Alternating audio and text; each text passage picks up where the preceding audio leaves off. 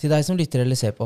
Ingenting av det som sies i denne podkasten er ment som økonomiske råd. Du må alltid ta egne vurderinger for dine økonomiske handlinger. Vi tar forbehold om at informasjon som kommer frem i denne podkasten, kan være feilaktig. Husk, du må alltid gjøre din egen research før du investerer penger. Dette er podkasten Valuta. Sammen skal vi utforske veien til økonomisk frihet. Hei og velkommen tilbake til episode fem av Valuta. I dag skal vi snakke om flipping, eller hva tenker du, Sala? Vi skal innom en del temaer. Ja, vi skal snakke om flipping. Og det er å skaffe til veie noe for å så selge det videre med fortjeneste. Det er helt riktig. Eh, vi har en liten liste om hva vi skal snakke litt om. Det er bl.a. eiendom, eh, bil, båt, klokker, mobiler og ikke minst alle de varene man kan omsette på finn.no, som er flippernes holy grail her i Norge. Men hvordan fungerer egentlig flipping? Hva er det som er viktig før man flipper, samme hva det er for noe? da? Hva er det man må tenke på før man skal begynne å flippe?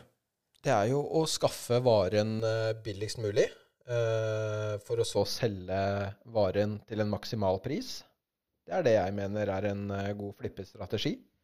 Og så tror jeg at det er øh, Du må liksom vite litt Altså du må vite ganske mye om hva du faktisk kjøper, da, og hvilke, folk, altså hvilke interesser folk har. Ja, du burde Eh, sette deg godt inn i Flipper du produktet. f.eks. telefoner, så er det greit å vite hvilke telefoner er det det går veldig mye av. Eller flipper du sofaer, så er det greit å vite hvilke sofaer er det som, Som er eh, populære, folk, som er populære. Eh, og så er det jo viktig å vite verdien, da. For når du kjøper noe du skal flippe videre, så er det jo viktig at du betaler en eh, hyggelig pris for det, og ikke altfor mye for det. Så da må man jo følge med litt over tid da, for å, for å vite hva pr- prisen er. Så kan det jo, så kan det jo f.eks. være en nisje Nei, og så må du jo kjenne så må du kutte her nå. Du må kjenne til eh, nisjen. Det kan jo f.eks. være at det er designstoler, eller så kan det være bilseter, eller så kan det være tilbør til bil, eller Så hvis man blir veldig god på nisje, da, så er det egentlig veldig mye enklere å flippe. Eh, og så tror jeg man også må kjenne til det der med bryet og Altså det å reparere, reparere de tingene man videreselger, da. Må ha liksom nettverk og kontakter. Ja, uten tvil. Eh, det som er litt gøy at du sier der, for mye av det, vi, det du eh, sier der, det kan man jo finne på Finn. Alt fra mobiler, sofaer, stoler, spisestuer, eh, you name it. Eh, og så er det jo sånn at eh, veldig mange som kjøper en sofa eh, billig på Finn La oss si du finner en sofa. En person vil bare bli kvitt denne sofaen. Den ser egentlig ikke ut, men du fresher den litt opp. Du, du renser sofaen. bruker litt penger på å restaurere denne sofaen, f.eks. For, eksempel, for å så legge ut nye, freshe bilder. Og så tror jeg det handler veldig mye om åssen du legger ut bildene òg av tingene, da. For å, å, at kunden da skal få et syn på det, og så får du en høyere pris da enn det, det du har kjøpt det for.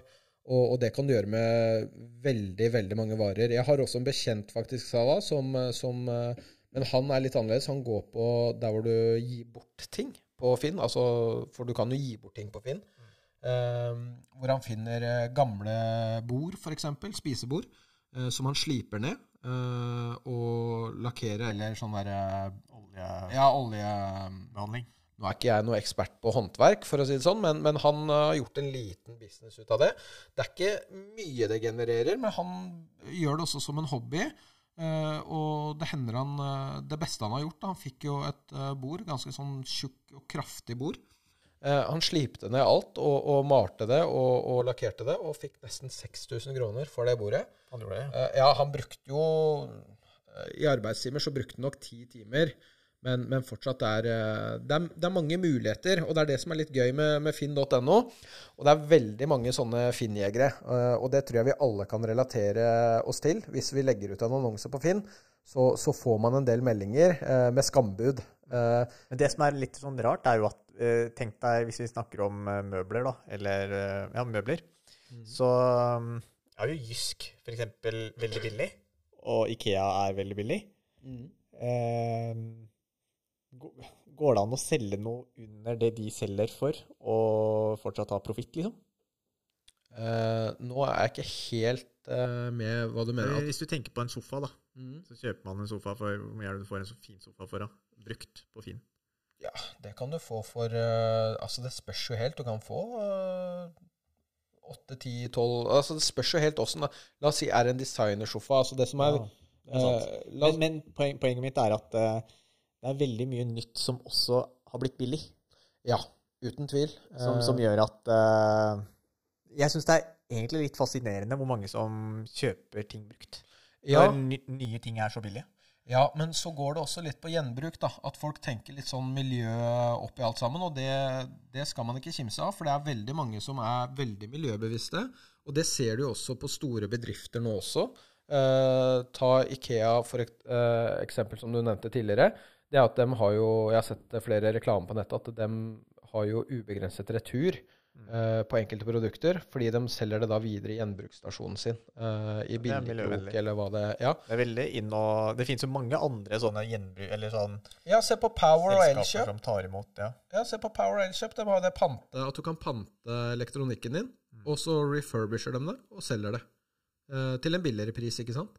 Så det er- veldig mye du kan eh, Altså, bedrifter begynner jo også å få opp fordi det er ikke bare å selge nytt lenger. Fordi det er så mange som, som faktisk velger å kun kjøpe brukte ting i tillegg. Så det er litt, eh, litt spennende, det, altså. Men tilbake til eh, flippinga på Finn. Det er jo uendelige ting du kan flippe. Det er som du sier, Salah, man burde finne seg sin egen nisje hvis man skal begynne å flippe. Man kan starte i det små og bygge seg oppover.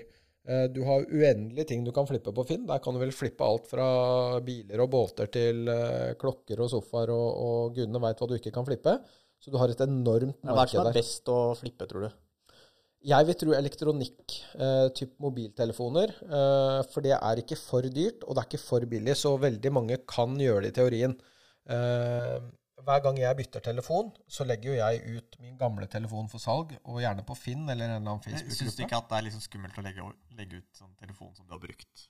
Bilder og Nei, altså du resetter jo telefonen og Det blir helt resatt. Ja, ja, i hvert fall. Jeg bruker jo iPhone, så, så den er bare å sette sånn factory new, liksom. Mm. At den går tilbake til, eh, til som han skulle vært ny, da. Eh, Men, men det er sånn at uh, mobiltelefoner de er veldig, veldig populære. I hvert fall hvis det er iPhones. Det er jo de mest populære. Så de kan du jo i teorien flippe. Og jeg merker jo det hver gang jeg legger ut uh, telefonene mine for salg. Uh, Så får jeg jo skambud på skambud på skambud, og kan hente nå, kan hente i kveld. ikke sant? Fordi, og og det er, man kan si hva man vil, men det er veldig mange som trenger raske penger da de legger ut ting på Finn. Så det er absolutt mulig å gjøre noe skup, fordi folk trenger penger fort, og godtar da et skambud. Så det, det er Telefoner tror jeg er veldig lettsolgt. Og jeg ser også flere, flere har på Snapchat som skriver har fått inn to nye iPhone X, f.eks. Uh, si fra hvis dere vil kjøpe. Dette er type Fordelen med mobiltype òg, da, mm. det er at eh, det er så lite, så det krever ikke masse lagringsplass. Ja. Hvis du skulle ha flippa sofaer, da, så måtte du ha, hatt, eh, så måtte du ha leid en lager. Ja, Lager. øh, ja øh, det, det er også for så vidt sant. Store eiendommer krever jo også litt øh, plass. Nei, Eiendeler. store eiendeler ja, krever også, også litt plass. Um, og det, jeg kunne også tenke meg å, å begynne litt med, med dette her. Eh, prøve å flippe noe. Så i den 1K-challengen vår eh, Vi skal til den etterpå. Eh, men jeg har prøvd å nå Har du flippa noe før, eller? Nei, jeg har ikke, ikke kjøpt, jeg har ikke kjøpt ting direkte for å selge. Men det har vært et tilfelle hvor jeg kjøpte et spisebord eh, som eh, jeg skulle overraske fruen med. Eh, det gikk ikke så veldig bra, fordi eh, det bordet var altfor stort. Det var veldig fint, men det var altfor stort. Eh, og da måtte jeg selge det igjen, for det var ikke plass til det. Altså, vi hadde plass, men det tok for stor plass. Eh, så da la jeg det ut på, på Finn og solgte det, og da jeg faktisk Da tenkte jeg jeg skal bare pushe det litt høyere. Eh, For å så ta imot, bare ta imot et bud som var lavere, eh, sånn at jeg ikke tapte noe penger. Men så endte det med at jeg tjente en tusenlapp. Men du, Salah, har du, har du flippa noe? Jeg har flippa litt sånn biler i oppveksten, da. Ja, du har det? Ja, det, det er litt gøy. Har du noe historie på det, eller? Ja, det var eh, eh, sånn, Når jeg akkurat hadde fått uh, lappen og sånt, så kjøpte jeg jo en bil. Mm. Den hadde jeg Det var sånn Mercedes uh, CE. Uh, og Der gjorde jeg egentlig Den var ganske billig. Jeg fikk en sånn helt utrolig billig. Men det var litt som måtte gjøres med den, da. Og så er det egentlig en litt sånn sjelden bil. Eh, Det tar litt tid å finne et sånn fint eksemplar på akkurat den bilen der, da. Ok. Så det var ikke helt flipping nødvendigvis, da. Det var det mer det at jeg skulle bytte bil. Jeg bytta bil ganske ofte før. Ja. Og jeg klarte ofte å gjøre litt penger ut av det. Ja, det er kult. Det er kult. Jeg har også et, eh, jeg har også et eksempel på, på bilflipping eh, hvor jeg har en bekjent. Eh, Han gjør dette av og til. Eh, Jeg tror kanskje du kjenner den personen jeg skal referere til nå, men, men vi nevner ikke navn. Han var oppe i eh, Nei, han var nede i Bergen, i en eller annen bygd, og henta en Mercedes. Nå, nå kan ikke jeg navna på disse bilene. Men det var en Mercedes, i hvert fall en uh, ganske sportslig og dyr Mercedes. Uh, han den hadde ligget ute til 6, 640 000. Han var nede og henta den for fi, nei, 500. 500 blank, tror jeg. Uh, kjørte den hjem. Den brukte den hele sommeren. Eh, han og familien hans. Eh, og så, så solgte de den. Og da var det ironisk nok en fra nede i Bergen et eller annet sted som kom eh, til byen her og henta, henta den bilen. Og kjøpte den for 620 000. Men bil det har blitt litt vanskeligere nå, fordi nå er det mange flere som leaser. Eh, og Ja. det har blitt så billig å lease en ny bil. Ja. Eh, så jeg, jeg, jeg aner ikke, jeg er ikke i det gamet lenger, ass, men eh, jeg vil tro at det har blitt litt vanskeligere. Ja, nei, jeg tror det fortsatt er mange som, eh, som flipper. Du har disse, det bilflippeakademi, eller hva de kaller seg. Jeg har sett noen reklamer at de, eh, man selger noen kurs da, for å flippe biler. Jeg, jeg personlig ville aldri kjøpt et kurs for å, for å lære å flippe en bil. Eh, da handler det om å få den bilen billigst mulig. Ha en kyndig mekaniker du kjenner til å gå over den bilen. Eh, eventuelt er det noe feil med en bil uh, som de legger ut, og du får den billig, så sjekker du kostnaden fra å reparere den, og uh, bare sjekker da average pris på den bilen, hva de går for på Finn, og så legger den ut for det. Det er det jeg For det er litt risiko i det òg. Plutselig så For bil, det kan bli dyrt. Uten tvil. Kjøper Uten du tvil. feil bil, så Mm. kan det fort koste veldig mye penger, da. Ja, da og i tillegg, hvis du skal flippe biler, så må man også tenke på at man har et reklamasjonsansvar, selv som privatperson, i to år. Har man det? Ja, det er helt riktig. Eh, forhandler eh, Hvis du selger til bilen til en forhandler, så, så, eh, så har du ikke noe ansvar eh, whatsoever i det Det er fordi at de er en sterkere part. Ja. eh, litt usikker på, på det, så jeg skal ikke si det 100% men det er nok mest sannsynlig derfor. Men hvis du selger til en annen privatperson, så er det to år eh, han kan komme med krav. Eh, så, så hvis eh, La oss si eh, du har solgt en bil eh, til en person, og den bilen går til helvete. masse gærent med den bilen. Så kan denne personen kreve heving av kjøp. Han kan kreve få utlegg for reparasjoner. Eh, men, men da er det Er det så strengt på når det gjelder bruk, gamle, brukte biler? Altså, hva, kan, også. hva kan du forvente når du kjøper en uh, Ja, det, er- det er nettopp det, men, men det Du må er jo det forvente at, det, ja, at den ikke er ny. ja, det er forventninger der òg. Men, men eh, man kan ikke forvente at bilen skal være ny, men man, man, eh, man kan forvente at bilen skal være driftssikker og være i bruk. Eh, det har vært masse slike saker i media. Det har det sikkert. Eh, eh, ja, ja. eh, spesielt VG, vår favorittavis her i valuta. men, eh, men ja. eh, det, er my det er mye rart. Eh, når det gjelder bil, biler og flipping og, og ansvar og, og sånne ting. Men absolutt, det er penger å tjene der. Men du skal også ha litt uh, penger, fordi det er jo i alle typer ting som har med å tjene penger, så, så har du en risiko. Ja, så er det, det er litt kapitalkrevende Det er en kapitalkrevende flipping, da. ja, uten tvil. Uh, så så det, det noen tror jeg gjør når det gjelder sånn bilflipping, er enten så finner de veldig sånn sjeldne modeller. Mm.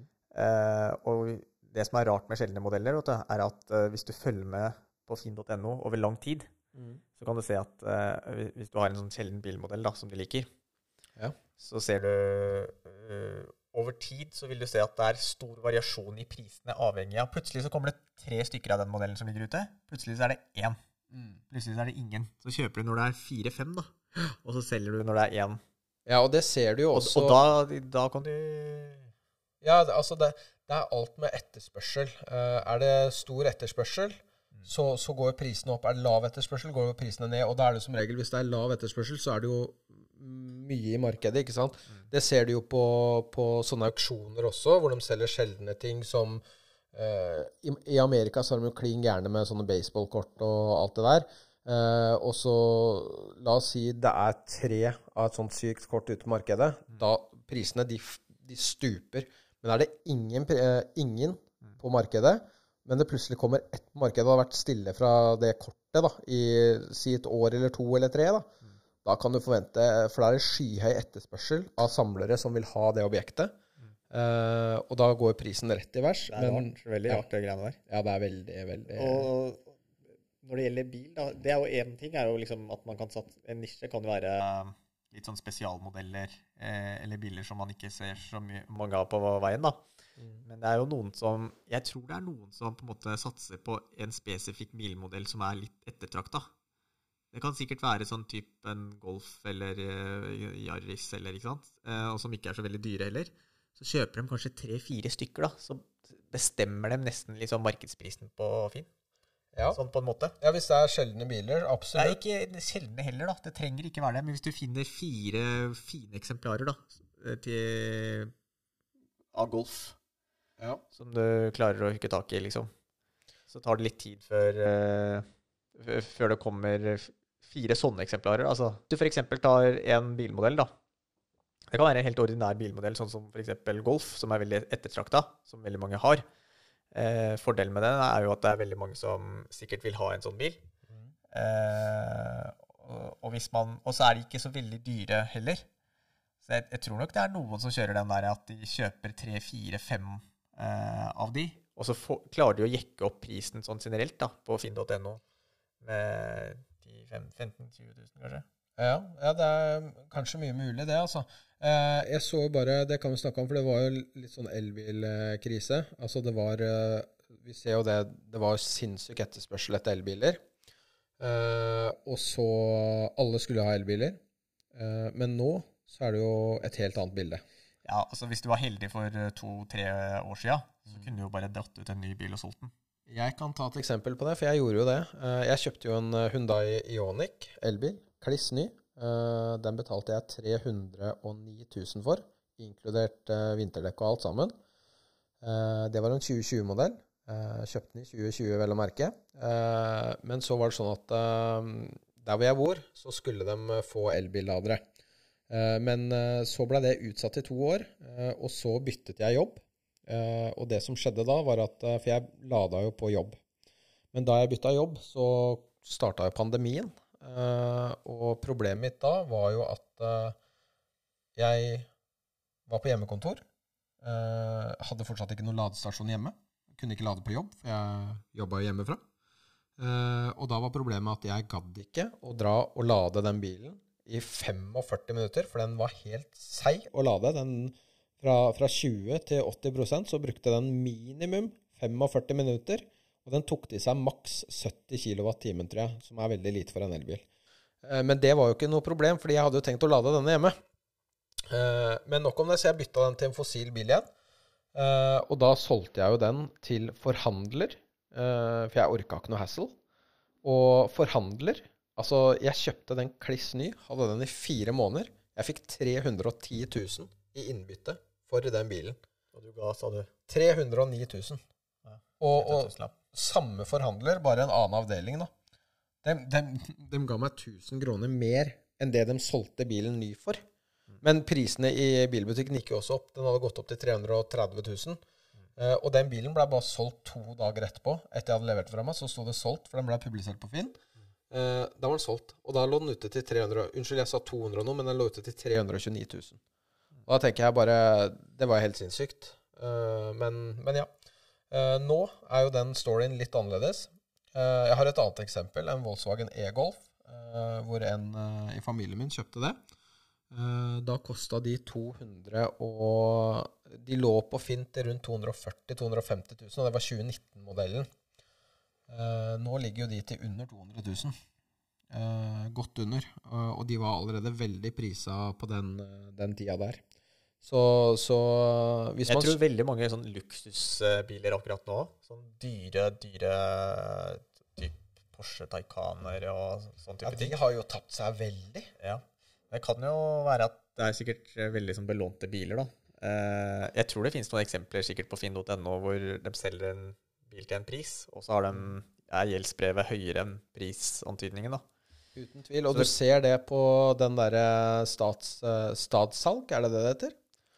Det er jo der hvor namsmannen har vært inne og henta, eller eh, banken har vært inne og henta biler, eiendeler Altså, de har alt mulig der. Maskinerier. eh, Og, og det er litt gøy å se, fordi der inne kan du gjøre reale kupp. Altså, og der ser du det har kommet mange, mange fete, fete biler. Uh, og det er en auksjon. Der kan du by. Eh, og der har jeg hørt om flere som har gjort et stort kupp. Og jeg vet også at det er veldig mange bilbutikker uh, rundt omkring i landet som handler biler på statssalg for å videreselge dem i sine egne butikker.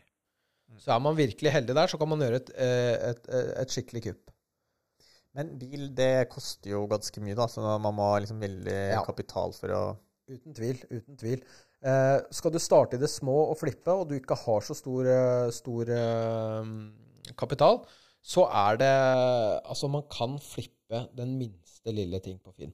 Det er mange ting som gis bort. Det, det handler litt om hvis du har lagringsplass, f.eks., for, eksempel, for det er veldig mange som gir bort eh, eh, godstoler. Eh, i, eh, for mange år siden så var det en kamerat av meg som flytta. Eh, da gikk vi på Finn. Fant, og det, jeg kødder ikke, den var skikkelig fin, sånn stressless-stol. Eh, det vi gjorde, vi dro og henta den. Vi leide en bil, varebil. Dro og henta den stolen. Eh, kjørte den hjem til han. Uh, Rensa den med sånne der, eh, maskingreier. Den, den blei som ny. Og den, den har han eh, fortsatt en dag i dag. Skikkelig skikkelig ålreit stol. Men han brukte den sjøl, da. Men, men han kunne lagt den lett ut på Finn og solgt den for et par tusen kroner. Uten tvil. Det er jeg overbevist om. Så, så det, det, er, det er mange muligheter å starte i det små, så kan man bygge seg opp. Eh, men jeg tror eh, det beste og letteste og kjappeste å flippe på finn.no, det er elektronikk type iPader, eh, telefoner, eh, spesielt Apple-produkter, for de er eh, grisehete. Ja, det er så ettertrakta. Men du ser jo også Det er jo høy etterspørsel etter dem, men det er også eh, høye, høye salgstall på dem. Altså det er mange enheter til salgs, da. Alt mulig. Og veldig mange, det ser du også, veldig mange legger seg veldig høyt i pris på, på, på disse produktene. Eh, men hva tenker vi om klokker? Eh, jeg har en historie på klokke, men den kan vi ta litt seinere. Men eh, du, Salah, eh, hva tenker du om klokker? Jeg har ikke vært så inne i klokkeflipping, annet enn at jeg bare veit at prisene på mange Rolexer eh, skjøt i været i fjor. Jeg vet ikke åssen det er nå. De har gått ned. Der var det jo også sånn at uh, fikk du tak i en klokke eh, som du kjøpte ny, da, så kunne du bare ha solgt den til 50 000-60 000 mer, hvis det er Rolex, da. Ja, Litt, eh, litt avhengig av modell, da. Så, så, så lenge det er, var ventetid på modellen, mm. så fikk du ganske bra pris på den. Eh, Det jeg kan eh, si deg nå, Salah, det er at jeg har flippa en klokke. Eh, jeg har, eller to klokker, vel å merke. Eh, vi kan ta begge, begge historiene. Den ene var en Rolex, den andre var en Rolex, så det er to Rolexer. Eh, Åssen Rolex var det? Eh, den ene var en Submariner, den andre vet jeg ikke. for å være. Submarineren, den gikk opp i fjor. Ja, ja den, den, den gikk det, Altså, det som, er, ja, det, som er, det, som er, det som er sykt med de Rolexene, det er at uh, jeg har en kollega. Uh, han samler på Rolexer. Altså, han kan alt altså, om Rolexer. Uh, Patek Philip, er det det heter? Ja. og Breitling og altså, Generelt, han kan veldig mye om klokker. Og, og det er litt gøy, for han så på den klokka mi, og så sa han eh, dette er en eh, ganske fet klokke. Den her kan du få veldig mye for, og han tilbyr meg 140 000. Og den kosta på den tida 70 eller noe? 70-80, var det ikke det? Jeg kjøpte jeg kjøpte den for 80 000. Eh, Men det som er, det er at eh, jeg fikk den klokka kjøpt i Sveits. Så jeg måtte jo fortolle den inn til Norge. Det kosta litt, det også. Men, men det som er, det er at jeg fikk et tilbud Nå skal du høre. Først på 140 000 av denne personen. Eh, Men disse gikk jo opp, og da jeg kjøpte den klokka, så kunne du kjøpe den, men da måtte du stå på venteliste på Urmaker Bjerke. Det tok over halvannet år eller noe? det? Ja, Og så er det ikke, lenger. som, Nei, og, så er det ikke hvem som helst som får, stå på lista der. nei, og jeg har hørt om folk som har stått i to, tre, fire år på venteliste på enkelte klokker. Men det vi skal fram til, det er at den klokka der, den lå ute, uh, hvis du skulle kjøpe den, uh, på Bjerke til 119 000. Året etterpå, akkurat samme klokka, 139 000. Ikke sant? Det er fordi Bjerk, eller de, ur, ur, altså de forhandlerne, da, Mm. de liker egentlig ikke at de klokkene flippes. Nei, det er klart, men eh, Og så, eh, så fikk jeg et tilbud på 160 000 på den klokka. Eh, men eh, jeg takka litt nei, fordi jeg fikk litt sånn der eh, affeksjonsverdi. Eh, tenkte at den her vil jeg ha eh, utrolig lenge. Eh, kanskje resten av livet mitt, og kanskje gi den ned i Du har snakka tidligere om å ta profitt. Det er Ja. der du skal ta profitt, Ja. egentlig. er, jeg, jeg kommer til det. Jeg kommer til det.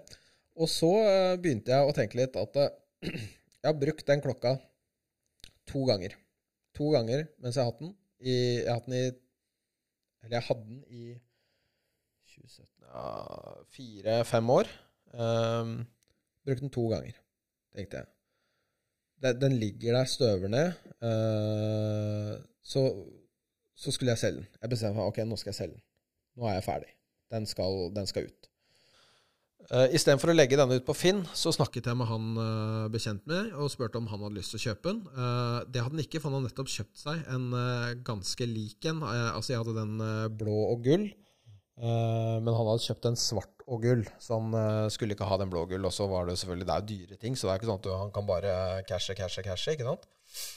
Eh, men han hadde en bekjent som eh, kanskje var interessert. Eh, og det endte med at eh, han ville kjøpe den. Eh, jeg kunne selge den til han for 140. Eh, og så tok han seg av alt. At vi dro på Urmaker Bjerke. Tok en full sjekk, at alt var i orden, og papirer og alt mulig. Tok Har de noe, har, når du er på Umark, U- U- Umark i Bjerke, har de noe imot at den klokka er kjøpt i Sveits? Nei, nei. nei de de de, Rolex er jo fra Sveits. ja, Det vet jeg jo, da. Men, men det spiller ikke noe Det må ikke være kjøpt hos dem. Og. Nei, nei, nei. nei, nei. De, men de, de tar jo betalt for dette. Ja. Men, eh, men så er det Så ble den dealen i boks, og, og solgte klokka.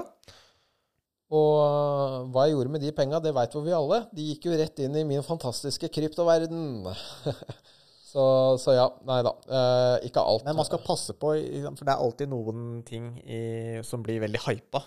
Og klokker, eller spesielt Rolex eh, Enkelte modeller av Rolex blei det i fjor og før i fjor. Og da må man hele tida tenke at vet du, i realiteten så er ikke det verdt så mye penger.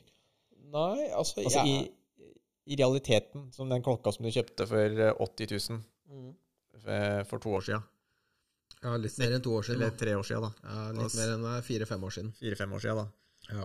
Og to-tre år etter du kjøpte den, så det er ingenting som tilsier at den skal dobles i verdi. Skal, Nei. Den reelle verdien på den klokka er jo ja, men eh, Og så er det veldig brand. Det er jo Ja, det Rolex er- er, brand. Folk ja, kjøper det på Det er merke. Det er merke. Og ikke bare det, men Rolex de har vært smarte. De, altså, de har såpass høy etterspørsel etter klokkene sine, i hvert fall enkelte modeller, eh, at eh, jeg tror de bevisst holder igjen produksjon. holder, holder igjen produksjon. eh, fordi de tjener mer på å holde igjen produksjonen. Selvfølgelig øker den produksjonen gradvis, men de holder også igjen for å ikke skape for lav etterspørsel. For blir det for lav etterspørsel, så må prisene ned også.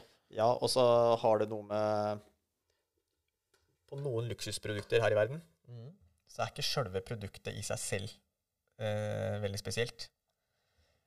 Eh, men prisen er spesiell. Ja. Så, så, så lenge noe er dyrt, så tror du at det er eh, veldig annerledes enn veldig mye annet. I realiteten så trenger de ikke være sånn. Det er en bevisst prisstrategi mange har òg. At de ikke selger noe billig. Det- Ja, det er sant. Men, men eh, mens vi snakker om flipping, så vil jeg gjerne skyte ut noe til lytterne her. Har dere flippet? Eh, hva syns dere er gøy å flippe? Vi vil gjerne høre hva dere mener. Eh, skriv til oss på Instagram eh, eller TikTok under klippene våre. Det har vært veldig gøy å høre, høre deres meninger også. Og har dere lytterspørsmål, så er det bare å skrive til oss også på enten Instagram eller på TikTok under Valuta Podcast. Når det gjelder klokker, så er det Det er jo veldig mange klokker som ikke er noe sånn spesielt å flippe heller, da. Ja, det Altså Jeg tror ikke du Breitling Omega, som er dyre klokker, det òg. Omega, den er lett å flippe. Omega er er for- fete klokker, det òg, altså. Ja, altså det, det, alle de er det, men jeg tror ikke det er like Rolex har hatt en så unik posisjon. Ja, det, det er klart, men, eh, men se, på, se, på, de der eh, klokkene fra JP, J, Unnskyld, nå klarer jeg ikke å prate. Jacob Co. Har du hørt om dem? Han er jo helt sinnssyk. Du får jo ikke klokke for under en halv million. Eh, det er jo helt sinnssyke klokker. Men jeg har liksom Jeg veit ikke. Det er jeg har liksom aldri sett en Jacob Co.-klokke på Finn. Nå har jeg ikke søkt etter det heller, men, men det liksom, skal liksom være det shit da, når det gjelder klokker. Nå, uh, unnskyld til alle som hører på som kan mye om klokker. Jeg må bare si med en gang jeg kan ikke så veldig mye om klokker. Uh, så, så, dette er ikke noe fakta. Uh, vi snakker generelt og løst om hva vi kan da, og har hørt. Men hva er forskjellen på en, en, en Rolex og en hvilken som er annen? klokke. Rolex er jo brand. Det er, det Nei, det er egentlig brandet. Ja, I seg sjøl, og urmerket og, og, den der automatikken i det. Ja, og, det fins i veldig mange klokker. Ja, altså det, det, kan du få fra 10 000 kroner. Ja, men så er det det at det er en Rolex. Altså, du, går, med en, uh, går, du med en Rolex på armen, så, så, gir det et visst signal. Og det kan man si om andre merkevarer også. Du, du, du gir et signal hvis du går med disse merkene. La oss si du går med Så har de en stor fanbase, sikkert. da. Altså, Det fins ja, ja, ja. mange klokkenerder, ikke sant? Ja, ja, ja. Masse. Masse. Vi, vi, gutter er jo veldig glad Jeg er glad i klokker sjøl. Akkurat nå går jeg med en Apple Watch, og jeg er ikke så glad i klokka akkurat i dag, men, men, eh, men uh, Ja. Men, men det, det, som er med klokker, det er at det er, det er særpreg hos oss gutter og menn. Uh, ja, vår smykke. Ja, er, ja, rett og slett. Og det er veldig mange som relaterer seg til å, til å gå med et godt urverk. Uh, uten tvil. Uh, og Rolex, det er liksom Det er ikke for dyrt, men det er ikke for billig heller. Hvis du skjønner hva jeg mener? Altså, altså, De fleste kan klare å kjøpe seg en hvis de har kjempe, kjempelyst. Yes, det er nettopp det. Uh, da gjelder det å være strukturert og, og sparsommelig. Og, og, det folk må passe på, det florerer av fakes. Skal du kjøpe en klokke, så er det verdt å bruke ja. de penga det koster, og sjekke det hos en urmaker, at de er ekte. Fordi den klokka, den kan se dønn ekte ut, både utvendig, kan veie på grammet like mye som en ekte Rolex. Det du må gjøre, det er å åpne klokka og se urverket. Det er der du ser det. Du, du ser ikke fysisk. Eh, jeg så en episode, litt usikker på hva den personen heter, men det er en eller annen video på YouTube hvor han har to Det er engelske, vel å merke, men det er to klokker, Rolexer. De er helt identiske. Altså, han veier dem. De veier akkurat like mye. Han sier en av disse klokkene er fake. Til slutt så skrur han dem opp. Da han åpner Det ser likt ut innvendig, men han påpeker flere ting som sier at den er fake, den er ekte. Og det er ganske Altså Eh, men sånn som han sier, da, den fake klokka her Hva er prisforskjellen på det? Ja, den er enorm. Eh, men uh, skulle du kjøpt den Rolexen, som sikkert kosta 100 000 pluss uh, Den fake sånn, altså Han sa 10 000 dollar pluss for den ekte, og 1000 dollar for uh, den fake. Men den fake Betyr det at det, Rolex må tjene jævla mye penger? Det tror jeg. Jeg tror de tjener enormt. Mm. Men, men så er det jo sagt at de delene som er inni den fake klokka, de kan jo se like ut og sånn, men det er sikkert ikke er samme sikkert ikke materiale og, og okay. sånne ting. Okay, uten tvil. Da er det jo forskjell. Ja, ja, ja. Men at uh, Rolex har en sinnssyk margin på klokkene sine, det tror jeg. Det tror jeg. Nå snakka jo også Rolex om å, masseprodusere, eh, eller lage et nytt, uh, nytt produksjonslager nede i Sveits der. til jeg tror det kosta over en milliard kroner ja, å, å, lage det der. Men de har jo de der billigklokkene Tudor. Mm. Er, er, det, er ikke det Rolex som eier det? Det vet jeg ikke. Jeg trodde det, var sånn Rolex sitt billigmerke. Selv om det òg koster litt, da. Men Ja, kan godt hende, det, men det er jeg usikker på, så det tør jeg ikke å svare på. Mm. Ja, øh, nå har vi vært gjennom en god del flipping. Vi, jeg tenkte vi skal ta litt eiendom. Ja. For eiendom er jo veldig, veldig populært. Kanskje ikke nå. Nå er det litt fare. Nå skal man i hvert fall være veldig forsiktig med å flippe jeg eiendom. Ikke, eller det er kanskje nå mange ser på det, det er jo kanskje nå flipperne kjører på. Ja, nei, der kan vi ha en diskusjon, eh, Salah. Fordi eh, ja, eh, jeg er enig med deg. Og finner jo flipperne sikkert mange gode objekter som ikke blir solgt. Altså, I normale, gode tider som det har vært, så har det vært vanskelig å, å få tak i i, i objekter som har potensial, eh, som du kan få billig, da. Ja. Det har, Eh, noen ganger så kan man jo kjøpe en, et oppussings... eh, Tidligere så har det jo nesten vært sånn at eh, om du kjøper et oppussingsobjekt, eller om du kjøper en som er ferdig oppussa, er nesten ikke noe prisforskjell. Nei, men, men er det ikke sånn at du, du må ha råd til å sitte på det en stund? Eh, det må du jo også. Ja, det er ulempen. Men boligflipping, det er jo kapitalkrevende. Ja, det er absolutt. Men det er jo sånn at hvis du har en asset fra før, la oss si du har en, en bolig fra før som du eier, så kan du lett eh, Si du har eh, 60 eller 50 eller 60 eh, av den eh, boligen eller eiendommen belånt, så kan du også altså, skaffe egenkapital og belåne ut ifra den eiendommen du allerede har, til å kjøpe deg en ny enhet. Eh, og så flippe. Da vil du sitte med lånet frem til du flipper, eller til du har solgt den, eh, den leiligheten. Eh, jeg er enig med deg, men jeg er også litt uenig. Men jeg tror innerst inne at du har mer peiling på dette temaet enn meg. Eh, men jeg tror akkurat nå at man skal være litt forsiktig eh, for å se an, eh, se an litt. Eh, ikke bare hvert fall altså, det som er Disse som flipper boliger, disse kan jo. Jeg kan jo ikke dette. Så de kan det. Men er du nybegynner og har lyst til å starte å flippe boliger, da Det er der jeg er litt sånn OK, vær litt forsiktig. Du, du, du kjøper ikke en eh, bolig nå på bygda.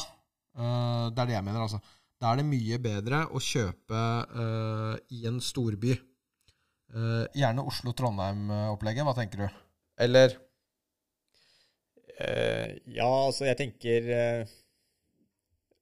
bolig, Etablerte boligflippere de finner jo sikkert akkurat nå, nå som det er mange objekter til salgs, og den blir ikke solgt, så er det jo mulighet for å finne objekter som mm, har vært vanskelig å få tak i tidligere. da.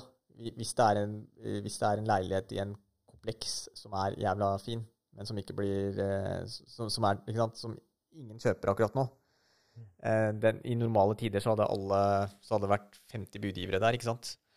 Eh, så hvis man får tak i sånne type, litt, sånn, litt sånn spesielle type leiligheter Men hvis man skulle starta fra bånn av, så hadde jeg ja, For å minimere risikoen, så er det jo greit at det er eh, litt sentralt. Ja. Eh, men, men det fins boligflippere som holder på langt ute i Altså i, i, i Altså utenfor sentrale strøk eh, Ja. også, fordi at eh, Husk på, da betaler du jo mye mindre for kanskje lettere å komme inn i eh, Ja, veldig mye, veldig mye enklere, ikke sant? Eh, Og i verste fall så har man jo den derre fallbacken, da, at man kan, eh, hvis den ikke er så lettsolgt, da Og la oss si du legger den ut for salg, da, men, men du får ikke den prisen du ønsker. Uh, ja vel. på et eller annet kanskje, jeg må, altså, ja, kanskje jeg må sitte på den et år, da, og leie den ut et år. Uh, for, å, for å holde lånet ved like, for å så legge den ut. Og da du har eid den boligen også et år, så slipper du jo det skattespørsmålet. For da må du ikke skatte av gevinsten etter eh, Er det ikke ett år, jeg mener, jeg sa Et det? år, ja. Et år, ja. Ja. Det stemmer, det. Så, så, så det er jo også en, også en mulighet. Så er det jo spørsmålet helt om man skal kjøpe åssen type objekt. Da skal du kjøpe veldig oppussing- oppussingsobjekt, så er det greit å ha litt nettverk. Ja. Eh, altså sånn at du kjenner folk, folk som kan pusse opp litt, da. Eh, sånn at du får liksom fortgang i den prosessen. For ellers så kan det være en veldig hodepine også. Og kanskje ikke kjøpe Flippe et hus, et gammelt hus. Det tror jeg er veldig risikabelt og hassle. Ja, det er jeg enig i. Mye enklere på leiligheter. Ja, ja det er i hvert fall, sånn som eh, markedet er nå. Uh, tror jeg, altså, jeg vet at eneboliger har vært veldig populært, men akkurat nå så er det vanskelig å selge en enebolig kontra en leilighet. Ja, men uh, du skal være ganske Du skal holde på en stund ass, før du går over til eneboliger, tror jeg. Ja, Fordi da- kostnadsbildet liksom kan variere så mye. da. Du skal ha litt nettverk ja, for å få det til å bli rimelig. ja, ja, skal jo ja. liksom du skal jo kjøpe noe som er oppussingsobjekt, og så skal du bruke minst mulig penger på det. eh, få det finest og få, mulig. Og få det finest mulig. Ja, det er, eh, det, er- Altså, jeg bøyer meg i støvet for mange av disse menneskene som flipper boliger og får det til. Eh, jeg kjenner personlig noen som gjør det sjøl. ikke at jeg har sånn veldig god dag, men altså, jeg beundrer den Fordi det er ikke bare bare det greiene her. Altså, du må legge ned mye tid, og ikke minst mye svette og tårer og, og, og penger Og, og, du risikerer jo ting Altså nå har du jo egentlig de siste åra ikke risikert uh, så veldig mye med å flippe. Eh, Men det går jo an å gå inn i partnerskap med noen andre, da. ja. Så Det hvis man er tre-fire stykker, eh, så kan man eh, spleise på en bolig, da. Eh, Legge inn 800 000 hver, eller et eller annet sånt noe. Ehm, så det er fullt mulig, fullt mulig å gjøre noen hundre tusen per bolig. Også hvis du er veldig effektiv, da, så Ja. klarer du tre, fire, fem boliger òg. Ja, da må du skatte, da. Men, men uh, hvis du klarer tre-fire boliger i et år, da, så tror jeg ikke skatten er det verste problemet ditt. For klarer du tre-fire boliger i året, og du, som du sier, da, sitter igjen med en god profitt der på Ja, la oss si du, du tar 200 000-300 000 da, per enhet, da. Da gjør du det jævlig bra, selv om du må skatte Da har du kalkulert eh, Da har du gjort veldig mye riktig. Ja, ja. Og så gjelder det å finne disse objektene, da. Eh, altså, du må saumfarte på Finn eh, etter boliger og, og Ja, du må liksom følge med på Boliger er jo også veldig sånn eh, Når noen trenger bolig, så trenger de den nå, ikke sant? Og, og det som er litt rart, er at eh, de sier jo Når folk skal kjøpe klær, så bruker de eh, liksom, de, de ser på plagg, klesplagget på nettet kanskje først, og så går de i butikken og prøver, og så kjøper de den. Mens boliger, så er de på en visning i kvarter, og så Ja. skal de ha det. ikke sant? Men det jeg syns er litt uh, gøy også å tenke på, det er at uh, disse drevne boligflipperne Jeg tror åssen de finner gode objekter òg, det er at de finner seg en megler de bruker. Ja, Eh, går i partnerskapet. Ja, ja. Eh, uten tvil. Eh, jeg er helt overbevist om at uh, de får en eh, liten eh, melding fra megleren at eh, nå har vi et objekt som eh, er krem for deg. Og det er ikke noe ulovlig, det. Det er bare positivt, det. Det er eh, kjempebra. Det er. Ja, det er nettverk. Det er, eh, og, og det er veldig positivt. Eh, og, og um, for da veit jo han megleren at eh, ok, jeg har han kameraten her. Uh, han er interessert i å flippe bolig. Nå har jeg fått et flippeprosjekt her som kan flippes. Uh, ja, kom på visning, sjekk det ut. Altså, jeg tror, tror det nettverket er veldig bra, da. Uh, og det kan også gagne en selger også. At, at boligen hans blir solgt fortere, til selv det er til ønska pris, ikke sant? eller til takst. Og så ser disse flipperne store muligheter da, med f.eks. å bygge et ekstra soverom, uh, sovealkove, uh, you name it, liksom, og for å få dette maksimalt opp i verdi. Uh, så, så nei, jeg tror det er, eh, det er veldig, veldig, veldig morsomt å holde på med. Og så er det jo fortsatt sånn, eh, selv om det går, boligmarkedet er litt eh, tregt om dagen, så, er- så er det fortsatt mangel på boliger. Altså til syvende og Ja. sist, så, så den latente etterspørselen er der. Ja, og den, den vil øke òg, fordi vi har eh, for få boliger eh, i Norge. Eh, så, så etterspørselen er der. Men Men det krever veldig Det krever eh, mye innsats, da. Det krever at du har kalkulert eh, alle kostnadene ved oppussinga. At du ikke liksom overstiger det med 30-40 da. Hvis du gjør det, så er jo hele prosjektet skjørt. ja, det Og så jo må du huske på liksom, megleren tar fort 100 150 000. Ja, det spørs jo litt på objektet. Jeg, det er vel rundt en 100 000, er det ikke det? Ja. Det er det Varierer litt av hva Ja. du skal ha, hvilke pakker du skal ha. Ja, ja, ja, uten tvil. Men, men det er absolutt mye penger i, i eiendom. Det er det uten tvil. Men der trenger man også kapital til å begynne. Eh, og som du sier, Sala, eh, det kan være lurt eh, hvis du har lyst til å begynne med boligflipping, at dere er en tre-fire kamerater. Men det som er veldig viktig, og, og som jeg syns, eh, hvis det skal gjøres, er at det er mye penger i omløp. Så da bør man rett og slett lage et uh, holdingselskap, eller et AS, uh, for å, å hvor, hvor alle har like mye eh, Share, ja, andel. ja, andel. Utfordringa med det tror jeg, da, det må jeg bare dobbeltsjekke, men jeg, jeg tror sånn skattemessig Ja. så kommer du dårligere ut. OK. Ja.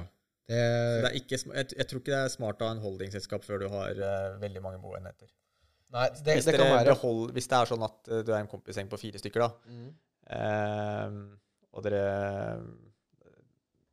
Da må du ha sånn 10-12 enheter, liksom, før det, Ja. før det er lurt å Men det burde vel, selv om du er en tre-fire kompiser, eh, vennskap har blitt rævkjørt før. På, altså ja, penger. ja, ja. Altså, det, må, det må kunne Men det fins andre måter man kan avtale sånne ting på, da. Ja, da, Enn å, enn å lage et Ja. selskap. Og det, hvis, hvis noen skulle gjort det, eh, eller hvis jeg skulle gjort det, og jeg hadde gått sammen med, med tre av mine nærmeste og beste venner, så skulle jeg fortsatt hatt en skriftlig Ja, ja, ja, avtale på ja, det. ja, ja, Grunnen til, grunnen Det til det er fordi at eh, penger, det forandrer folk. Ja, og så vet du aldri åssen situasjon folk er i. Plutselig så er det noen som får, behov for eh, penger, eh, og da, og, og da kan jo det tære på det vennskapet, da, ikke sant? Så hva skal du gjøre hvis det er en som må ut, og må ha de pengene? Nettopp. Så det er, det er eh, Nei, nei jeg, jeg er så enig. Det er, eh, det er veldig bra uh, at man, man får ting gjort riktig. Uh, og man skal ikke stå Selv om man er uh, Det gjelder Nei, det handler ikke om å stole på, liksom. Det Nei. handler bare om å ha ting ryddig. Ja, ja. Ikke, Veldig ikke- bra formulert, ja. Sala. For det, det er det jeg ville fram til. Altså, jeg, jeg stoler fortsatt på vennene mine. Jeg kunne godt gjort det, men, men det er å ha det under ordna forhold. Ja, riktig. At det, det, det ikke skal være noe rom for tull. Ja, fordi skal du drive med et sånt prosjekt, så kan det, du kan liksom ikke drive med en kompisgreie. Det må være ganske tydelig hvem som gjør hva. Ja. For, for det er mye jobb med det. Så Uten hvis det er én i den fire, en i den gjengen som må gjøre alt, så er liksom, blir det fort veldig urettferdig, da. Men, men eh, tilbake til bolig og flipping. Eh, verdipapirer. Eh, vi har snakket om det litt før her i podcasten også. Eh, episode to eller noe snakket vi litt om verdipapirer. Men, men eh, åssen syns du nå, Salah? Syns du det lønner seg nå å, å eh, Jeg vet jo at du har drevet litt med verdipapirer, men, men jeg er ikke så god der. Eh, men, men tror du det lønner seg nå, nå som nyboligsalget stuper og, og, og alt det der? Ja, men ja, kan jo være det. Men det er, det er, det jo det er ganske risiko. Bo, nye boliger i dag er dyrt, da. Nye boliger i dag er dyre. Ja. Så jeg vil jo tro kanskje at bruktmarkedet akkurat nå er å Ja, du foretrekker det, da. Ja. Et lite eksempel. eh, Dette er ikke, har med verdipapirer å gjøre, men dette har med boliger å gjøre. Eh, Leiligheter, vel å merke. Fordi mm, der hvor jeg bor, eh, så ser jeg at eh, prisene har jo økt veldig der hvor jeg bor. Eh, Og så er det sånn at eh, det er noen leiligheter som er veldig små der. De har blitt utrolig populære nå. Eh, Du har i den eh, der hvor jeg bor, så har du leiligheter som er 33, fra 33 kvadrat til 50 kvadrat, til 70 kvadrat og til nesten 90. Det er fire forskjellige typer. Eh, de vanskeligste å selge er de største, for de har høyest fellesutgift. De mest populære Sikkert dyrere òg. Ja, de er dyre òg, selvfølgelig. Men her om dagen så blei en sånn leilighet solgt for 2,6 millioner av den største typen. Eh, nei, det er ikke billig der hvor jeg bor. Det er, det er dyrt. Uh, det er dyrt. Uh, der hvor jeg bor, er det faktisk dyrt. Og så de 70 kvadratleilighetene, de går for mellom 2,4 og 2,6. Eh, så, så de største leilighetene ligger nesten på samme pris som de er, Men det har mye med en ting, fellesutgiftene man å gjøre. ja, en ting man må beskytte inn her, det er jo eh, Hvis man skal flippe, så må man tenke på om man skal kjøpe en selvleil- selvleilighet, eller Helt- om man skal kjøpe andelsleilighet. eh, Veldig bra poeng. med selvleilighet så eh, må du betale dokumentavgift på 2,5% Yes. Så bare det blir eh, litt over 100 Hvis du kjøper noe på 3-4 Yes. mil, da, så blir det 4 mil, da, så, så blir det fort sånn 150 000. Ja. Eh, og så, når du skal selge den boligen, så må du gi 100 til megleren. Ja Så bare sant? der, ja, er det Kun 200, der så har du 250 000. Ja, som er rett ut. Eh, Billig oppussing kommer fort på 200 hvis det er på en liten leilighet. da. Ja. To- 250 000. Ja, jeg kan er relatere til det, for jeg pussa jo opp en 50 kvadrat. eh, Det var uten bad. Badet var ferdig oppussa. Det kom på rundt 220. Da var alt Det var nytt kjøkken. Eh, altså, det var full renovering av hele Ja. leiligheten. Hvis du har litt nettverk, og sånn, så klarer du sikkert å gjøre det for den 250 000. Ja, det var det, det vi, vi gjorde jo Jeg okay. brukte jo kun venner. Uh, vi gjorde det Det var jo mye. Ja. Ja, Det koster jo ikke så mye, da. ja, kjøkkenet var det dyreste. Kosta nesten 100. Ja. Uh, og så skulle jeg ha maling Så for å gjøre profitt på det greiene her, da, på boligflipping, på en selveierleilighet mm. du du må ha en fortjeneste altså for å Du må ha fortjeneste Hvis du bare tenker på det du betalte for leiligheten, da, Ja. så må du ha en fortjeneste på 600 000 Du må Ja. kunne selge den leiligheten 600 100 000 over. Ja, i hvert fall for å tenke på det at du må eh, trekke fra meglerutgifter. Du må trekke fra de eh, Avgift Ja. eh, og oppussing. Og oppussing, ja. Eh, Det er og fort halv mil. Liksom. ja, og så skal du sitte igjen med litt òg, ikke sant? Det er jo det eh, Så det er, ikke, det er ikke verdens enkleste game, ass. Nei, det, du, skal, eh, du skal ha litt teft for det, og du skal ha nesa rett fram. Eh, Det er ikke bare å kjøre men- på og bruke penger og forvente Det er klart, at du får det på kant. Sånn som du hadde jo kjøkken til 100 000. Det, boligflippere hadde sikkert hatt et nettverk. De veit at et fint kjøkken hos den og den koster det, De hadde kjøpt et kjøkken til 40-50. Eh, De har tatt de billigste hvitevarene eh, der hvor de kjøper kjøkken. Og, og for, la oss si du drar på Power, eh, Elkjøp eller Ikea. De Det er de som selger de billigste kjøkkenene i Norge. Eh, og der kan du få Du får også eh, utrolig dyre kjøkken på Power Elkjøp og Altså disse Epoch-kjøkkenene og Ikea-kjøkkenene. Eh, veldig fine. Noen, noen av de mest gjerrige boligflipperne, holdt jeg på å si, de kan jo sikkert finne på å kjøpe brukte Ja, det, det er mulig, det òg. Så det Men det handler om å være veldig veldig kreativ hvis du Ja. skal klare å gjøre penger ut av det. Det hører man jo. Mm. Altså, du går i null hvis du selger den boligen 500 000 over det du betalte. Ja. Ja, eh, det spørs jo litt, eh, selvfølgelig. Ja, ja. Eh, Enkelte, jeg har hørt av enkelte som har flippa boliger òg. De har kjøpt objekter hvor de bare har eh, malt eh, og lagt nytt gulv eh, og listverk. og bare fresha opp litt. eh, og styla leiligheten helt annerledes for å få bildene finere. Og har tjent 300 000-400 000. Det, og det, det Ja, handler det er mye de om objektene man må se finne, da. Ja. De som på en måte Det går an å kanskje Bare shine litt, ja. Shine litt, ja. Ja. Det, du bruker 40 000, så klarer du å selge for uh, 400 000 mer. Men jeg må bare fortsette uh, der hvor jeg slapp med de boligene der hvor jeg bor. For det er litt uh, morsomt. eh, fordi den ene leiligheten som var 33 kvadrat, den gikk for 1,8 millioner kroner. Den har ikke sove... Altså, det er ettroms. Altså, det er, ikke, det er sånn sovealkove der.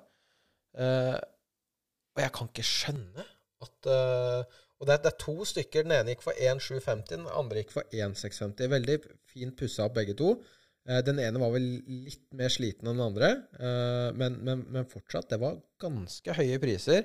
Jeg tror begge to satt rekord, for den på 1650 gikk først, og så var det ikke Det er jo bill altså, tenk deg hvis du skal eie en bolig og betale de summene. Det er jo nada. Ja, det, det er klart det, men den er 33 kvadrat. Eh, altså, det er greit, skal du til Oslo og 33 33 kvadrat, det er det koster jo 4-5 mil. Det er klart det. Du, jeg, jeg ser den, men nå bor ikke jeg Hollywood Hills inne i Dollaråsen, inne i Tjuvholmen, Vet du, vet, vet du hvor dollaråsen i Drammen er? Det veit jeg, det er toppen her. Ja, det er jo det Ja. Det er mange som kaller Dollaråsen på Åskål. Austdal. Ja, oppå Knive, Knivåsen her. Ja. Jeg kjørte opp dit en gang. Ja, nå sporer vi helt av, men det er helt i orden. Men jeg kjørte opp dit for å se, for det, der har du en utsikt uh, utover Drammen. Og jeg må bare si det til alle som lytter. Drammen, det er Norges perle. Du finner ikke en finere by enn Drammen. Er du enig, Sala? Jeg er helt enig. Ja, det er bra. Vi er patrioter her i Drammen, skjønner du. Uh, men det som er, jeg skulle se den utsikten bare. Uh, det var da dette nettopp hadde blitt eh, bygd ferdig og sånn. Men de husa som lå oppi der Oh my god, ass. Det der, det der var er eiendommer, altså. Ja, ja, det også. Det var åh, så, så fint. Men det som eh, De har jo kjøpt litt katta i sekken oppi der, fordi du har jo den drittlukta fra Ja, Fordi du har en sånn avfallsstasjon der. Og disse beboerne klager jo at det lukter jo dritt der støtt og stadig. Så det er eh, Ja. Det er, Den lukta kommer helt dit. ja, den, den gjør det. De har klaga på det. Det har vært litt i lokalavisa, det, vet du. Den abonnerer jo jeg på og blør penger på hver måned. Eh, ja. Men, uh, men tilbake til litt flipping. Vi, vi liker å spore her og kose oss, vi, Sala, så det, det er helt i orden. Uh, vi har snakket veldig mye om boliger nå. Litt tips og triks der med flipping og, videre. eh, hva vi tenker. Du har jo drevet litt med verdipapirer. Jeg har ikke det. Jeg har lyst til å Nå skal jeg se an åssen ting går fremover eh, med, med egne, egne interesser. Men for at jeg skal nå et mål om å bli økonomisk fri etter hvert, så har jo tanken slått meg at jeg også har lyst til å gå inn i eh, bolig eh, og investere i enten å prøve flipping etter hvert, eh, som en sånn eh, side hustle-hobby, eh, kan du si.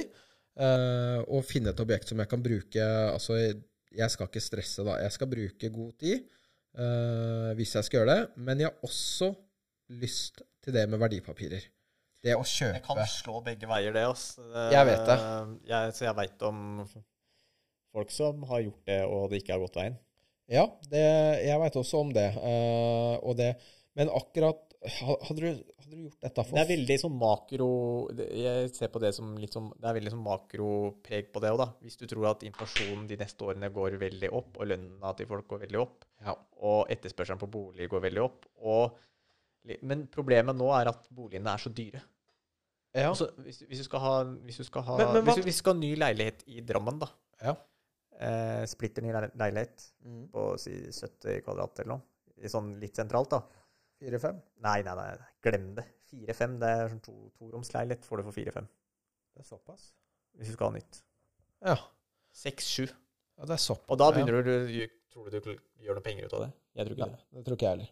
Men det, det jeg tror, det er at uh, La oss se uti Nå skal jeg ta et eksempel. Uti Sande. Uh, du vet jo hvor Sande er. Det er ikke alle som vet hvor Sande er, men det er et sted som er like, like utafor Drammen. Eh, det er et veldig populært sted på den der Nordre Jarlsberg brygge. Ja, jeg har vært der og bada, jeg. Ja, det har jeg også. Uh, Varen sjøl var og plaska, vet du. Men, eh, men ja. Eh, det, det som er, da, det er at eh, jeg har kikka litt på Finn. Eh, ikke at jeg har lyst til å flytte til det stedet, men eh, de leilighetene de er jo veldig populære. Men de selger ikke.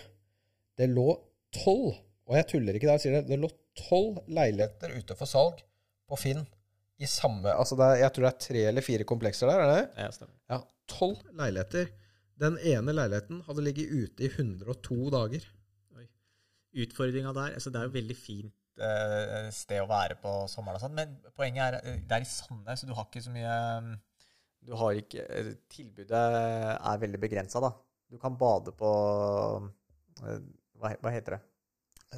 Ja, Nordre, Nordre Jarlsberg brygge. Ja, brygga, du kan bade på, Det er brygge der, så du Ja. kan bade der. Og så har du svaberg og sånn. Ja, og så har du en Kiwi-butikk rett ved siden av. Ja, Utover det så er det ikke så jævla mye. Det er det, også, hvis du har båt og sånt, så Ja. funker det greit, Veldig, sikkert. veldig kjedelig om vinteren. Ja. Veldig, veldig sånn uh, sørlandsidyll om sommeren.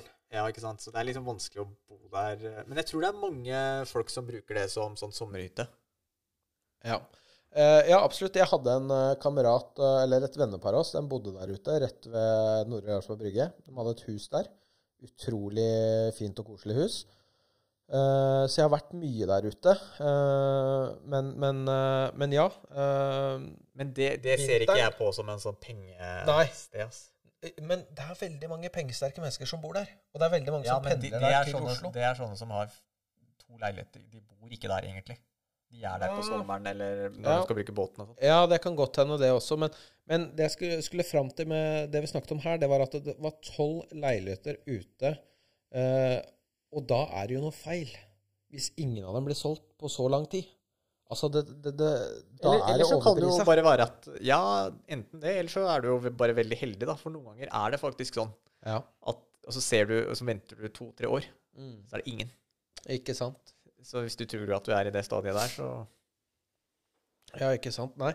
Uh, vi har også fått inn noen lytterspørsmål til denne episoden her. Uh, det ene er eh, til deg, Sala. Eh, hvor mye penger trenger du for å investere for å bli økonomisk fri? Altså, det er sånn man skriver det bare.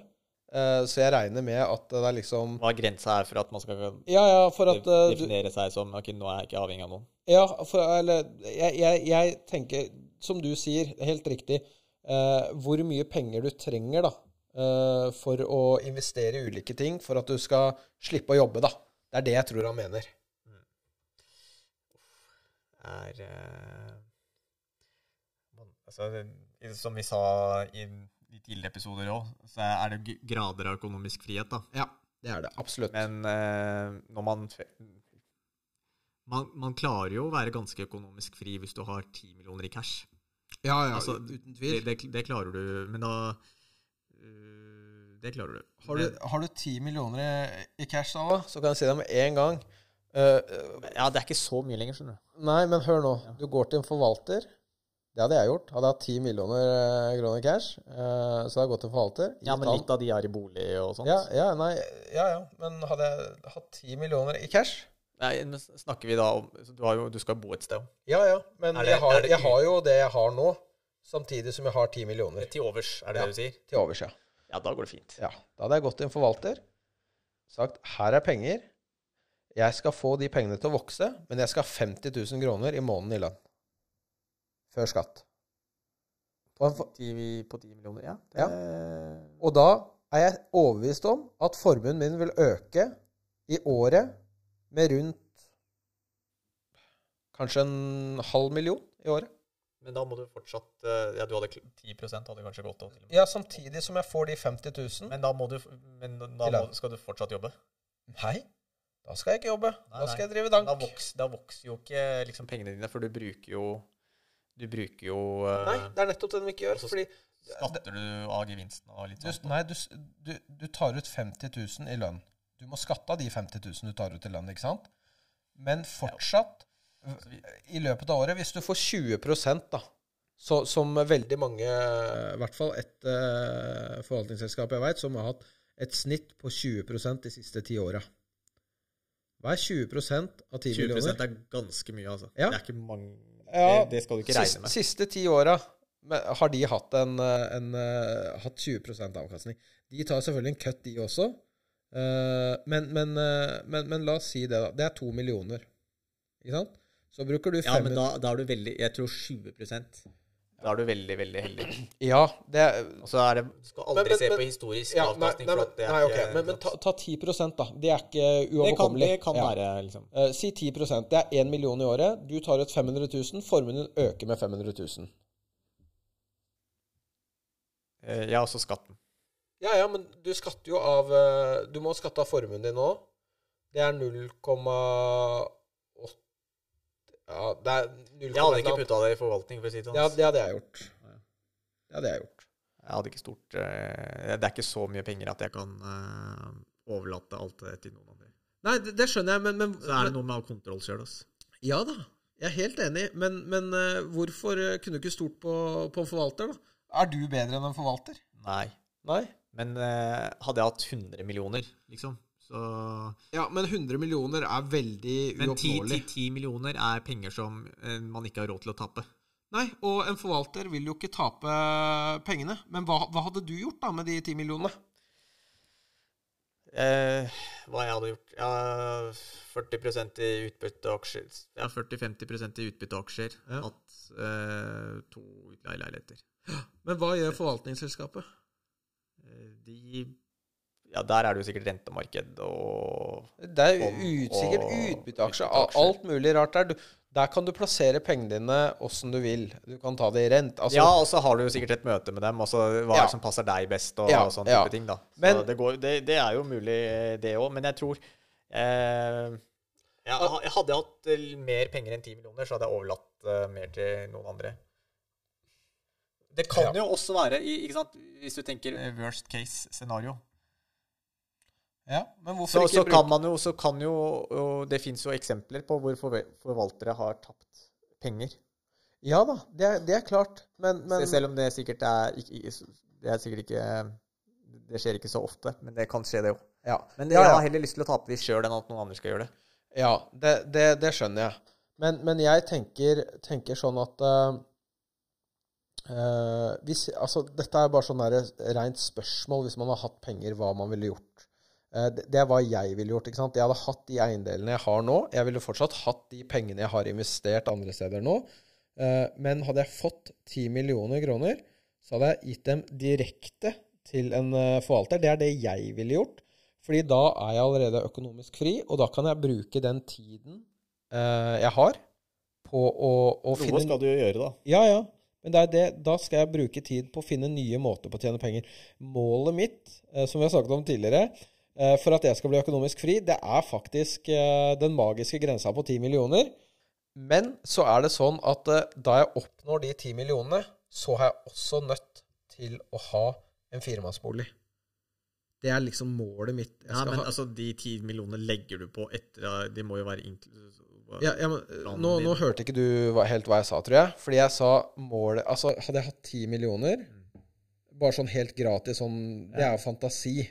Men da hadde jeg putta dem Med de eiendelene jeg har nå, så hadde jeg bare putta dem i, eh, i eh, forvaltning. Men hadde jeg eh, Sånn som La oss si jeg driver og investerer nå for å tjene penger. Det er dette er veien til økonomisk frihet. Da jeg kom meg til et mål nå, så blir første målet mitt nå det er å, å skaffe meg en firemannsbolig. Men jeg skal fortsatt ha en del penger da til gode i, i investeringene mine. Så den, den kommer jo til å være belånt uh, veldig, den firmannsboligen. Eh, så skal jeg ha tre enheter jeg leier ut, og bo på én, og sørge for at eh, 50 av eh, den enheten er eh, min eh, bolig, så jeg slipper å betale skatt av utleie. Eh, og så starter jeg å bygge opp for å sette penger i forvaltning. For da har jeg allerede de faste leieinntektene som jeg klarer meg på. Og så skal jeg få penger inn i et forvaltningsselskap. Og der, du kan gå inn med alt fra én million oppover, men, men eh, som regel så er det tre millioner da du bør eh, Pluss tre millioner pluss du bør gå inn med. Helst ti millioner, da, som du mener. Det er ganske store tall vi snakker om her nå, så det er jo også en drøm. Men det er jo det vi drømmer om. Veien til økonomisk frihet her. Så, så Eh, Så ja, og jeg skal klare det. Eh, Man må, må ha troa på seg sjøl, så kan alle haterne bare si fuck deg, gjør hva du vil, eh, you name it. Men, men har man ikke et håp eller tro, eller jobber mot et mål, så klarer man heller ikke å nå Ja, det det, målet. ikke, det, er ikke, det, er, det, er jo, ikke helt urealistisk heller. Nei, det er ikke det. Absolutt ikke. Det handler om å ha et mindset som vil føre deg dit, og det handler også om at du tar grep og faktisk jobber for å komme dit. For Sånn som den ingenting Rolexen- kommer gratis. den Rolexen, når du fikk tilbud om 140, hadde du bare solgt den da, ikke sant? Og klarer du å gjøre fem-seks sånne greier da? I Ja. løpet av to Du var millionær, liksom. Ja, men uh, nå er det veldig vanskelig å skaffe en Rolex til 80 000. Ja, ja, ja, Eh, det, jeg hadde heldig, jeg var ganske heldig, for jeg har en svigerbror som uh, bor i Liechtenstein, vel å merke. Men, men ja, så jeg, så jeg har uh, bekjentskap der nede som ordna meg den klokka. Han har ordna meg to klokker der. Den ene klokka var en Rolex, det òg, men den fikk jeg ikke mer enn 60 eller 70 000. Det var en mye, mye mindre versjon. Jeg, jeg husker ikke navnet på den engang. Men, men, men det jeg skal fram til, det er at det er liksom det jeg har lyst til. Eh, og vi alle har våre egne veier å gå eh, for å bli økonomisk fri. Eh, jeg har lyst til å oppnå det målet hvor jeg slipper å forvalte pengene mine selv. Jeg skal fortsatt ha mine prosjekter hvor jeg eh, investerer og, og har det gøy. Eh, men også at noen andre tar seg av hovedparten, da. Det er derfor Ja, det er er glad bra å ha profesjonell eh, hjelp, sikkert. Ja. Hva vet du hva det koster? Uh, ja, det er eh, jeg, jeg er litt usikker, men de, jeg tror de tar La oss si de har hatt 20% avkastning på deg, da, så tar de en 20% har de ikke hatt. Altså, det er Sala, skal jeg, jeg- jeg skal gå inn på nettet her og vise deg noe konkret. Ja. Eh, 20% var kanskje veldig hardt å ta fra min side, så, men, men jeg ser her at flere rundt 9-10% Det er oppnåelig, men det er også høyt. Men eh, så er det sånn renters renseeffekt, Men da må du sette La oss si du setter 10 mil, da. da og du, vi tar en rente på 8% Da har du 10,8 eh, på første året. Og så har du eh, neste år der igjen, så har du jo eh, si 8% av 10,8 millioner, så, så det øker jo hele tiden. Så det er renters. Men da er du ikke økonomisk fri, som, eh, som du også sa, Salah. Eh, fordi da er jo de pengene låst, men de vokser. Hva skal du leve av da, liksom? Ja. Du kan også ta små utbytter, men du kan også, uh, i mitt tilfelle, da uh, Jeg har jo ikke veldig lyst til å slutte å jobbe heller. Uh, jeg liker å ha noe å gå til. Men jeg har satt meg et mål. Innen ti år så er det økonomisk frihet, og da er det også ingen jobb som, som jeg har nødt til å gå til, og nødt til å svare for. Eh, Men inntil da så er planen min å komme meg inn i forvaltningsselskap om, du, om jeg starter med tre millioner eller ikke. Eh, og så er det den boligen jeg skal ha, den firemannsboligen. Det er drømmen. Eh, og det skal jeg klare. Eh, jeg syns du kan Men forvent, forventer, du, forventer du 8% avkastning over lang tid? Nei. nei. Eh, så lenge avkastninga er mellom 4 og 8 da. Si det, da. fire, så er jeg fornøyd. Det er jo bra. Det er eh, og, og Men det kan sikkert være to og sånt òg noen ganger, tror du ikke det? Hvis Jo, du tenker det sånn kan- altså, jeg har- Ja, men altså, vi er, altså Du er ikke så amatør, men jeg er litt mer amatør. Uh, så, så, så, så jeg har ikke begrep på uh, hva som er historisk uh, i disse.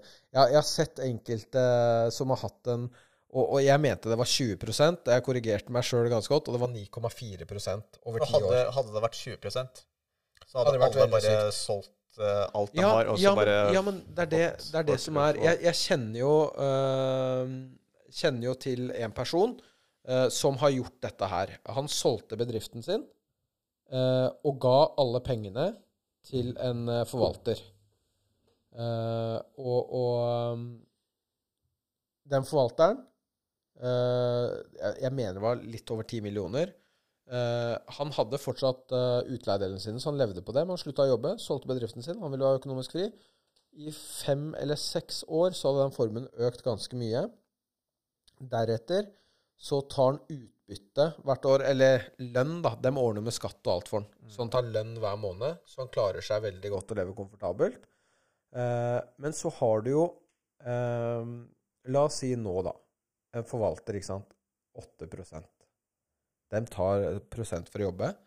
Men så har du For nå er jo renta veldig høy. Veldig høy. Og renta stiger og stiger.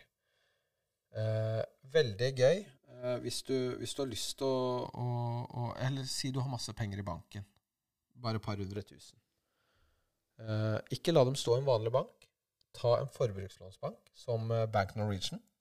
Akkurat nå så har du en sparerente på 4,35% En årlig sparerente. Jeg skjønner at folk eh, selger seg ut av aksjemarkeder og sånt nå. Og da har du også gebyrfri uttak per kalenderår.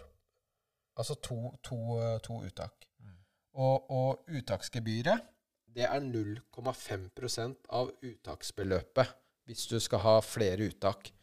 Men altså, det, altså vi må snakke litt om det, for det Ja, er ganske grovt. Det er ganske grovt. 4,35% det er mye penger i Det skal litt til for å klare det i aksjemarkedet òg, liksom. Du skal, Ja, du skal være ganske heldig, eller du skal gjøre det ganske ok, liksom. Ja, ja, ja. Og, og Og da tar du masse risiko. Og renter er jo litt sånn Det virker jo Det er litt mindre risikabelt, tror jeg, da. Ja. Uh, ja, altså, du kan jo aldri gå i null der, i hvert fall. Nei, jo, det kan du jo Ja, sikkert, men uh, da- det ser ikke sånn ut nå Nei, i det nærmeste, liksom.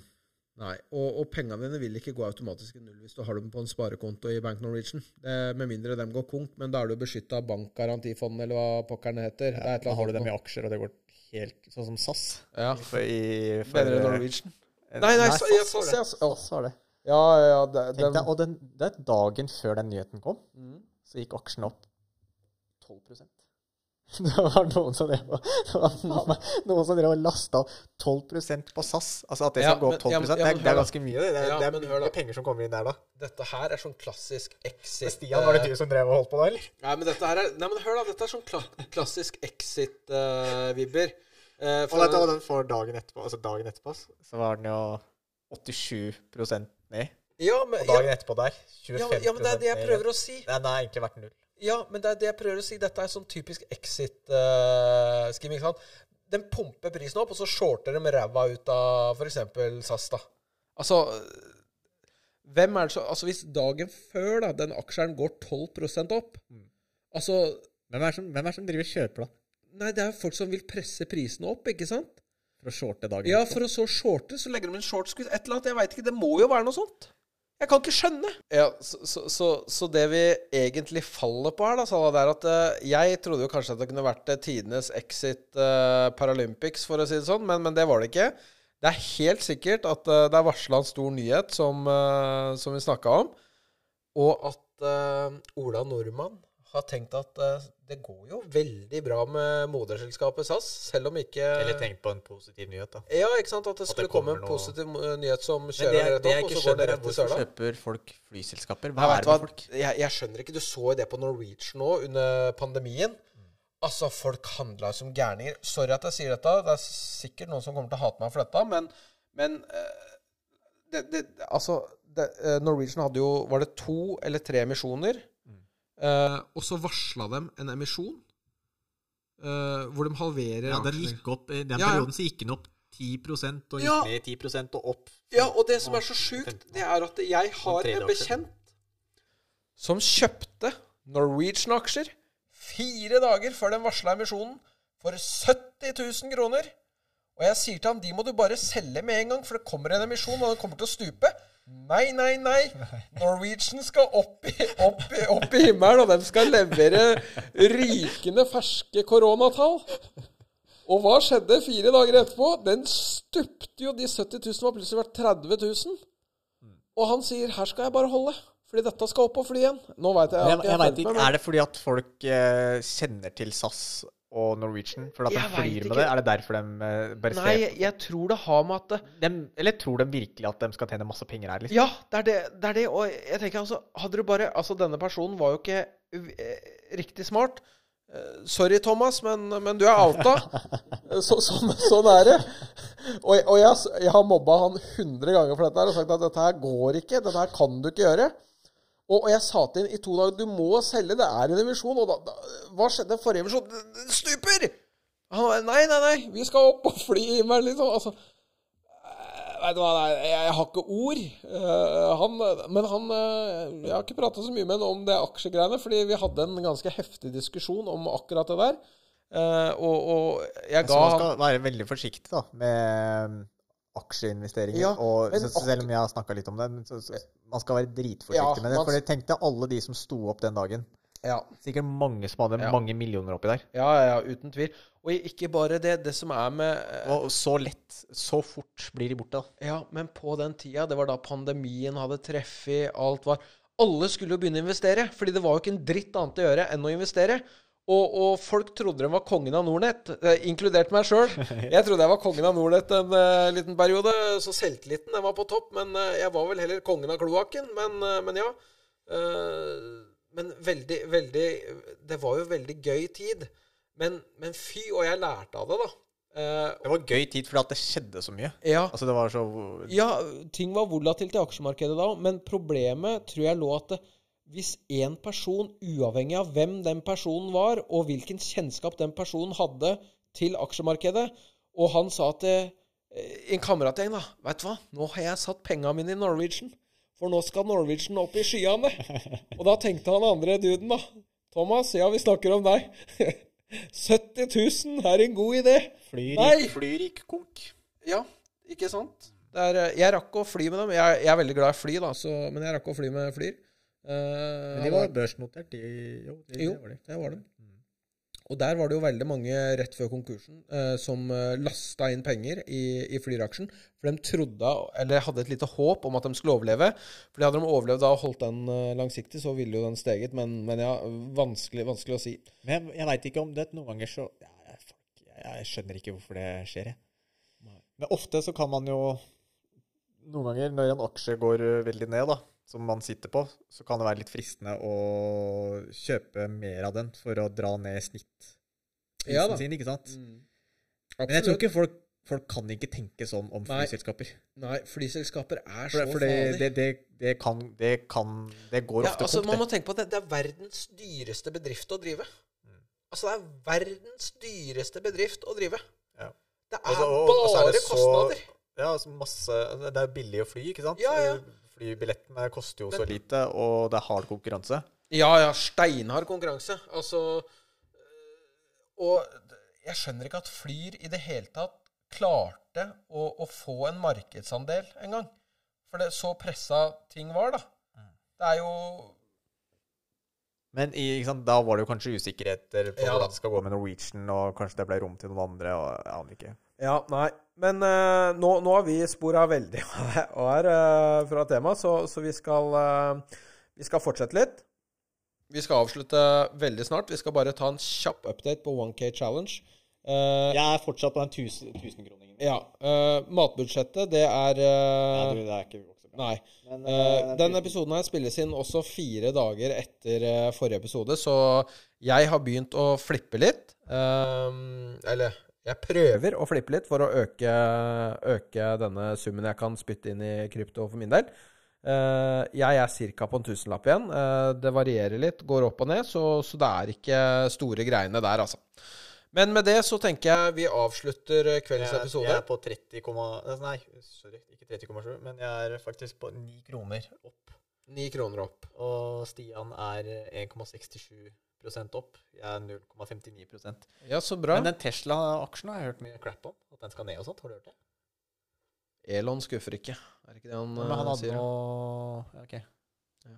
Men, eh, men med det så takker vi for oss. Uh, Sala, uh, vi ses igjen neste uke. Det gjør vi. Det gjør vi. Så